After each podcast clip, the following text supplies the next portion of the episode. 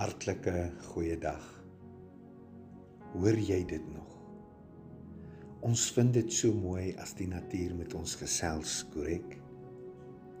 Maar tog is daar gevalle wanneer ons dit nie meer hoor nie.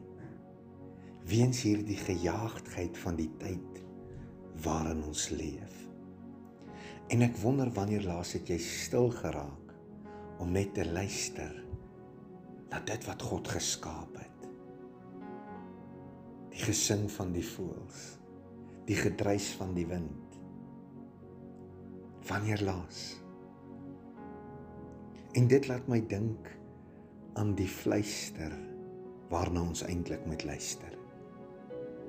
Wat bedoel jy, Jaco?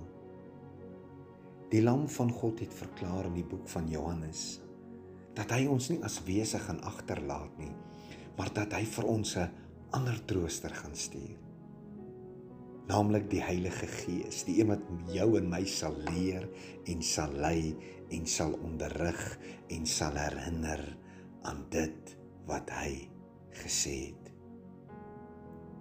En wanneer laas het jy na sy gefluister geluister? As jy wil weet wat in die hart van God is, dan vra dit dat jy na sy gefluister sal luister. Hy is gestuur om jou in my rigting en leiding te gee. Hy is gestuur om jou en my te onderrig. En ek wil jou vandag inspireer en ek wil jou vandag motiveer. Maak tyd om te luister na die gefluister van die Heilige Gees. Vir jou en vir my as mens en as kind van God om 'n gesonde Christelike lewe te lei, is dit van kardinale belang dat jy sy stem sal begin identifiseer dat jy net sal gaan stil raak en sal gaan luister na sy fluister sodat hy vir jou kan leer en kan lei en kan onderrig sodat hy as die gees van God vir jou die regte rigting en die regte leiding kan gee.